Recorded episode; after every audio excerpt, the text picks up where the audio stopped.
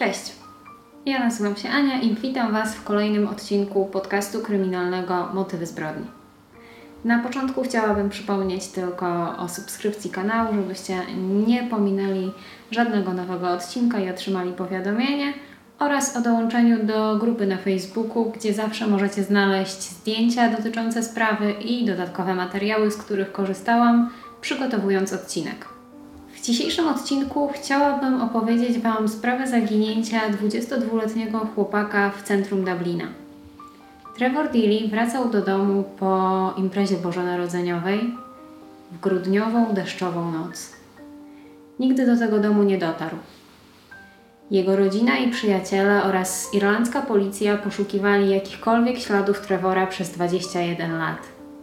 I nadal poszukują a jego rodzina jedyne o czym marzy tak naprawdę to jakieś rozwiązanie tej sprawy. Zacznijmy od początku. Trevor Dilly urodził się w sierpniu 1978 roku w małym irlandzkim mieście Nas. Mieszkał tam i dorastał wraz ze swoją rodziną i dwoma siostrami i bratem. Trevor był najmłodszym dzieckiem państwa Dilly. Wszyscy wspominają go jako osobę, która potrafiła się z każdym dogadać. Każdy go lubił, był takim nastolatkiem, z którym każdy chciał przebywać i mimo, że nie był tą taką bardzo przebojową osobą, to był bardzo sympatyczny, nigdy nie było żadnych problemów z Trevorem, wszyscy lubili spędzać z nim czas. Był wysoki, miał około 1,90 m i wyróżniał się swoją rudo-blond czupryną, i dość charakterystycznym sposobem chodzenia, bo był dość wysoki, tak jak już mówiłam, i zawsze chodził z wyprostowanymi idealnie rękoma. Trevor w odróżnieniu do swojego rodzeństwa nie był zainteresowany sportem i atletyką. Jego rodzeństwo było bardzo zaangażowane w różnego rodzaju zajęcia sportowe w szkole, zdobywali medale Natomiast Trevor dużo bardziej interesował się naukami ścisłymi. Jego ulubionym przedmiotem była matematyka. I to wraz z umiejętnością rozwiązywania problemów sprawiło, że chłopak był dość mocno zainteresowany technologią i komputerami. Jednak w momencie, kiedy był nastolatkiem, było to dla niego w 100% hobby, nie wiązał z tym swojej przyszłości. Kiedy skończył liceum, jak większość ludzi, nie do końca wiedział, co chciałby robić w życiu, i jego wybór padł na biznes i ekonomię na Waterford Institute of Technology. A tego rodzaju uniwersytet jest czymś jak nasza Politechnika, więc jest to taki trochę bardziej technologiczny uniwersytet. Natomiast Trevor wybrał tam kierunek biznesowy. W tym czasie pracował też w supermarkecie, żeby sobie do tych studiów troszeczkę dorobić. Jednak kiedy był na drugim roku studiów, doszedł do wniosku, że biznes go chyba jednak nie bawi i, i to nie jest to, co, co chłopak chce robić, kiedy rozpocznie swoje prawdziwe dorosłe życie i zrezygnował ze studiów tym samym czasie jego siostra podsunęła mu kurs komputerowy, jednak to nie był taki zwyczajny kurs komputerowy, gdzie chłopak miałby pójść i nauczyć się włączać i wyłączać kilka programów, natomiast to było troszeczkę bardziej zaawansowane. I kiedy Trevor poszedł na te zajęcia, okazało się, że to to. To był strzał w dziesiątkę, chłopak był przeszczęśliwy, okazało się, że to jest to, co chce w życiu robić. Po kilku tygodniach intensywnego kursu i, i zakończeniu otrzymał trzy oferty pracy. Nie do końca wiedział, co wybrać, i tutaj jego ojciec wspomina, że kiedy pewnego dnia Trevor ich odwiedził, zapytał ojca o radę. No i temu podpowiedział: Synu, wybierz bank. Banki zawsze są bezpieczniejsze. I w ten oto sposób w maju 1999 roku Trevor rozpoczyna pracę w Bank of Ireland. Pracuje w dziesięcioosobowym zespole IT, a biuro, w którym na co dzień pracuje, mieści się przy ulicy Lison Bridge Street. Menedżer Trevora mówił o nim, że była to, był to pracownik prawie idealny, że był ambitny, chciał się uczyć i był też osobą, z którą wszyscy lubili przebywać. Był sympatyczny, a zarazem odpowiedzialny i godny zaufania. Tak jak już powiedziałam, Twierdzono, że Trevor był pracownikiem prawie idealnym. Latem 2000 roku Trevor poznał dziewczynę, która przyjechała na wakacje do Dublina z Alaski. Spędziła tam kilka dni i bardzo wpadła Trevorowi w oko. Kiedy dziewczyna opuściła już Dublin, pewnego wieczoru Trevor spotkał się na piwo ze swoim przyjacielem Glennem Callenem. Przyjaźnili się od dzieciństwa, poznali się w szkole i, tak jak wspomina dzisiaj Glenn, nigdy się nie pokłócili, a spędzali ze sobą naprawdę mnóstwo czasu. Kiedy panowie spotkali się w pubie, rozmawiali o, o tej dziewczynie, którą Trevor poznał i Glenn trochę go podpuścił, mówiąc założę się, że nie pojedziesz się z nią spotkać na Alaskę. Na co Trevor powiedział, udowodnię Ci, że tak. I w ten oto sposób Trevor zaplanował swoje wakacje pod koniec listopada. Biorąc pod uwagę fakt, że jego przyjaciel Glenn Cullen pracował jako steward w liniach lotniczych Aer Lingus, miał on możliwość załatwienia zniżki na, na bilet lotniczy. W tym też momencie, kiedy panowie rozmawiali w pubie, Glenn miał dość sporą ilość punktów, którą mógł przeznaczyć na bilet, a że byli naprawdę dobrymi przyjaciółmi, to ostatecznie dzięki Glennowi Bilet na Alaskę kosztował Trevora jakieś 80 funtów, co jest naprawdę niewielką kwotą, jeśli chodzi o tak daleki dystans. W ten oto sposób pod koniec listopada 2000 roku Trevor wyruszył w podróż na Alaskę, żeby spotkać dziewczynę, która tak bardzo mu się podobała. I wtedy też po raz ostatni widział się z Glenem na lotnisku. 5 grudnia Trevor wraca ze swoich wakacji i od razu z lotniska udaje się do domu swoich rodziców do nas. Tam spędza wieczór, opowiada im o tym, jak piękne krajobrazy widział, jak bardzo zafascynowany jest, jest Alaską i, i tym, co tam zobaczył. Natomiast miał dość mało czasu, bo następnego dnia musiał już być w pracy i, i dość szybko musiał się zbierać z powrotem do Dublina. Dlatego obiecał, że resztę opowie, kiedy spotkają się na święta. Po powrocie także Trevor planował spotkanie ze swoim najlepszym przyjacielem Glennem, aby opowiedzieć mu wszystko, co, co widział i, i co robił w czasie swoich wakacji na Alasce. I, I to spotkanie miało odbyć się 9 grudnia, czyli w weekend tuż po jego powrocie do Irlandii. 7 grudnia Bank of Ireland organizował dla swoich pracowników przyjęcie bożonarodzeniowe. Takie jak wiele korporacji organizuje w tym czasie, aby ludzie mogli świętować nadchodzący wolny czas i święta. Tego dnia Trevor wraz ze swoimi współpracownikami postanowili, że rozpoczną imprezę troszeczkę wcześniej i po zakończeniu pracy zebrali się i wspólnie poszli do pubu Copperface Jacks, który był tuż nieopodal hotelu Hilton, w którym miało odbyć się oficjalne przyjęcie. Wypili tam kilka drinków, zorganizowali sobie tak zwany before i około godziny 20.45 wszyscy ruszyli do, do hotelu na oficjalne przyjęcie. W trakcie tej imprezy około godziny 10 a 11 do Trevora zadzwonił jego przyjaciel Glenn Cullen, który w tym momencie też był poza domem i, i gdzieś dobrze się bawił. Chciał z nim porozmawiać, natomiast warunki w czasie imprezy nie były najlepsze, było głośno, Trevor w ogóle go nie słyszał i poprosił go, aby dzwonili się później. Obiecał mu, że albo on do niego zadzwoni, dzisiaj wieczorem, trochę później, kiedy wyjdzie z tej imprezy, albo zadzwoni do niego jutro rano. Kiedy impreza w Hiltonie dobiegała końca, Trevor z grupą znajomych, z którymi dobrze się bawił tego wieczoru, postanowili, że po imprezie fajnie będzie też pójść na after i około godziny drugiej przenieśli się do innego pubu, który nazywał się Buck Whaley's. Dzisiaj ten pub już nie istnieje. A, no i tam grupa współpracowników bawiła się jeszcze trochę do godziny 3.25.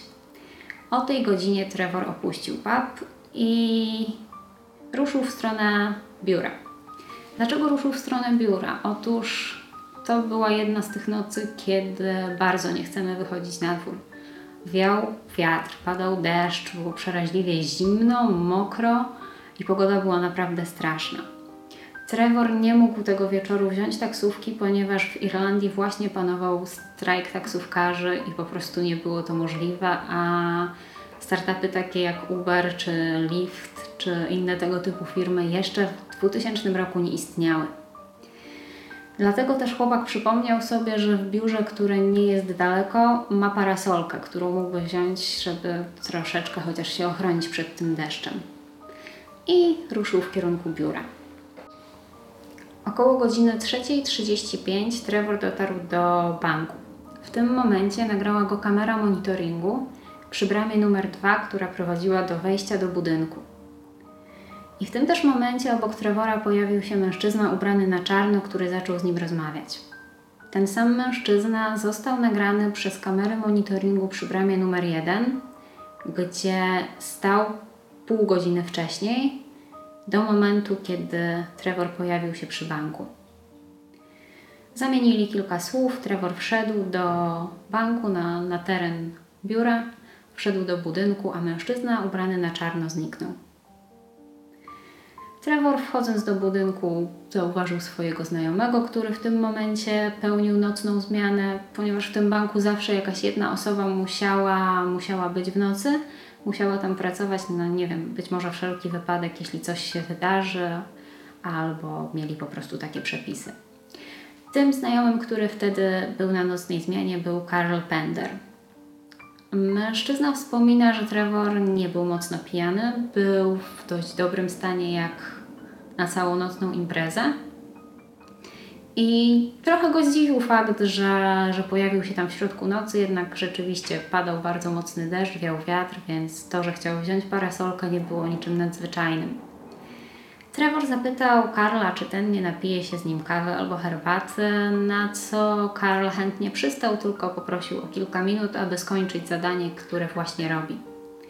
W tym samym czasie Trevor włączył komputer, sprawdził maile i kiedy Karl skończył swoje zadanie, mogli pójść i napić się kawy. W momencie, kiedy dwaj mężczyźni pili ciepłe napoje w kuchni biura Bank of Ireland, Kamera monitoringu nagrała mężczyznę w czarnym ubraniu, który stał przed bramą numer dwa wraz z dwoma innymi mężczyznami. Po kilku minutach zniknęli. Link do tego nagrania będziecie mogli znaleźć w opisie tego filmu, więc będziecie mogli sobie zobaczyć, jak to dokładnie wyglądało. Kiedy Karol i Trevor skończyli pić kawę bądź herbatę, tutaj tego nie wiemy dokładnie, Trevor wziął parasolkę, wziął swoje ubrania i opuścił biuro Bank of Ireland. Wyszedł przez bramę numer 2, przy której nikogo nie było. Został również zarejestrowany przez tą samą kamerę monitoringu i ruszył w kierunku swojego mieszkania. Po raz ostatni Trevor był widziany przez kamery na rogu Headington Road które również należały do Bank of Ireland. Był to kolejny budynek tego banku. Tam po prostu przeszedł ulicą i 30 sekund za nim pojawił się mężczyzna w czarnym ubraniu. Przez pewien czas nie było wiadomo, czy był to ten sam mężczyzna, jednak okazało się, że tak. I to był ostatni raz, kiedy Trevor był widziany. Kiedy piątkowy poranek chłopak nie pojawił się w pracy, nikt bardzo mocno się nie przejął. Wszyscy wiedzieli, że dzień wcześniej była impreza firmowa i że miał prawo zaspać, nie przyjść, źle się czuć. Nie było to co prawda podobne do Trevora, bo, bo zawsze wcześniej informował, był bardzo sumienny, jednak byłoby to wybaczalne zachowanie po tym, jak poprzednia noc była wypełniona alkoholem i, i była to bardzo długa noc. Dlatego też nikt nie sprawdził, co się działo z Trevorem przez cały weekend.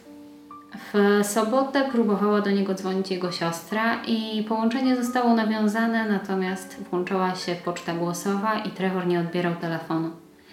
Nie martwiło jej to jednak, no bo wiadomo, jest dorosły, być może śpi, być może jest zajęty i, i po prostu nie może odebrać tego telefonu. Ale kiedy w poniedziałek Trevor nie pojawił się w pracy, jego przełożony zaczął się dość mocno niepokoić. Poszedł do teamu ludzi, z którymi Trevor pracował i zaczął wypytywać o to, czy ktoś miał z nim kontakt i czy ktoś z nim rozmawiał od czwartkowej nocy. Okazało się, że nie. W tym momencie zaniepokojony mężczyzna udał się do działu HR, gdzie powiedział, że jeden z jego pracowników nie daje znaku życia, nie ma z nim kontaktu i tak naprawdę nie wie, co robić. W tym momencie wykonano telefon do rodziców Trevora i powiedziano, poinformowano ich o tym, że nie ma z chłopakiem kontaktu, nikt go nie widział. Jego ojciec, kiedy tylko o tym usłyszał, natychmiast udał się do jego mieszkania. Nie miał co prawda kluczy, natomiast Trevor nie mieszkał sam. Miał e, dwoje współlokatorów, którzy go wpuścili do tego mieszkania i okazało się, że w mieszkaniu również od czwartku nikt go nie widział. Trevor po prostu przepadł. W tym momencie jego starszy brat postanowił spakować swoje rzeczy i przenieść się do Dublina, aby rozpocząć poszukiwania chłopaka. Szukał wszędzie, postanowił przejść wszystkie możliwe trasy, którymi Trevor mógł wracać do domu. Był w barach, pubach, pytał ludzi, rozwieszał plakaty. W pewnym momencie nawet Dublin wyglądał tak, że z każdego słupa ogłoszeń patrzył na ludzi, patrzyła na ludzi twarz Trevora. Szukali go wszędzie, ale nikt nic nie widział. Kiedy jego brat próbował szukać chociaż jego rzeczy, parasolki, ubrań, czegokolwiek w koszach na śmieci, okazało się, że miasto zostało idealnie wyczyszczone w trakcie weekendu ze względu na zbliżającą się wizytę prezydenta USA Billa Clintona. Więc nawet jeżeli jakikolwiek dowód gdzieś był, to prawdopodobnie przez to, że nikt nie zauważył, że, że chłopaka nie ma i coś się z nim wydarzyło, ten dowód przepadł. W tym momencie przyjaciele Trevora postanowili pomóc rodzinie i jeden z nich wpadł na pomysł, żeby poprosić wszystkie instytucje, które były gdzieś po drodze o nagrania z kamer monitoringu. Był to rok 2000 i wtedy te wszystkie nagrania były tworzone na kasetach VHS i były nadpisywane po pewnym czasie. Nikt tego nie trzymał długo. Dzisiaj czasem się to, się to zdarza, że, że nagrania są przetrzymywane dłuższy czas, natomiast w tamtym momencie były pewne cykle czasowe i jeżeli nie zareagowaliby na tyle szybko, mogliby utracić część z nich. I tak też się stało. Jedyne nagrania, jakie udało się otrzymać, to były te z biura, w którym chłopak pracował i z kolejnego budynku banku, gdzie, gdzie w ostatniej chwili zdążyli poprosić o ocalenie tych nagrań. Poszukiwania Trevora przeprowadzono również w Grand Canal, czyli kanale, który mijał przechodząc do swojego domu, mieszkania, a także w rzece, którą również mijał. Niczego nie znaleziono. Płetwonurkowie twierdzili, że poszukiwania w kanale były dość proste, że woda była czysta i jeśli cokolwiek by tam było, zostałoby to odnalezione. Przez kolejne lata nie było tak naprawdę żadnych śladów.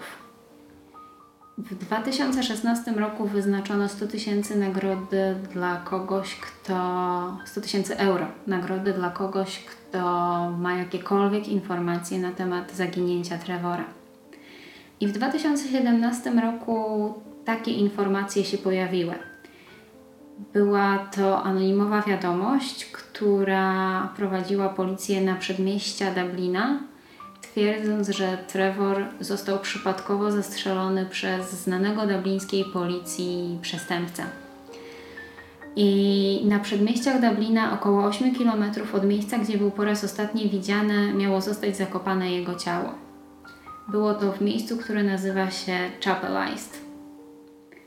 Nie jestem pewna, czy dobrze wymówiłam tą nazwę, więc przepraszam za, za pomyłkę, jeśli taka wystąpiła. Policja przeprowadziła dość dokładne poszukiwania. Przekopali kawał, kawał terenu i znaleziono broń, znaleziono narkotyki, natomiast nie znaleziono zupełnie niczego, co miałoby jakikolwiek związek z Trevorem. W 2015 roku powstał również film dokumentalny, który jako pierwszy pokazał opinii publicznej e, nagranie z kamer monitoringu, na którym były widoczne trzy postacie.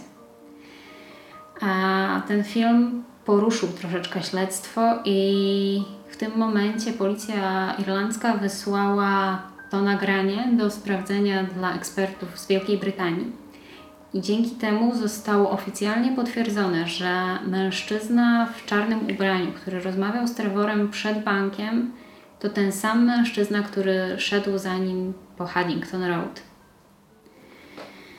I tak jak policja twierdzi, że dwie osoby, które dołączyły do niego na opublikowanym w 2015 roku nagraniu są to jego koledzy z pracy, tak mężczyzna w czarnych ubraniach nigdy nie został zidentyfikowany i do dzisiaj nie wiadomo kto to jest. Ani o czym rozmawiał z Trevorem, ani dlaczego i dlaczego za nim szedł. Od zaginięcia chłopaka minęło 21 lat. Jego rodzina nadal pragnie go znaleźć albo dowiedzieć się, co tak naprawdę się wydarzyło, aby móc sobie to jakoś zamknąć i poukładać. Niestety nie ma żadnych śladów, żadnych poszlak, nie ma niczego, co mogłoby kogokolwiek doprowadzić do rozwiązania. Napiszcie w komentarzach, co myślicie, że wydarzyło się z Trevorem, jakie myślicie, że jest rozwiązanie tej historii. Mam nadzieję, że Wam się podobało. Jeśli tak, to pamiętajcie o łapce w górę i subskrypcji tego kanału. Zapraszam Was również na Facebooka, na grupę, gdzie dostaniecie dodatkowe materiały, zdjęcia i gdzie możemy o tym podyskutować. Cześć!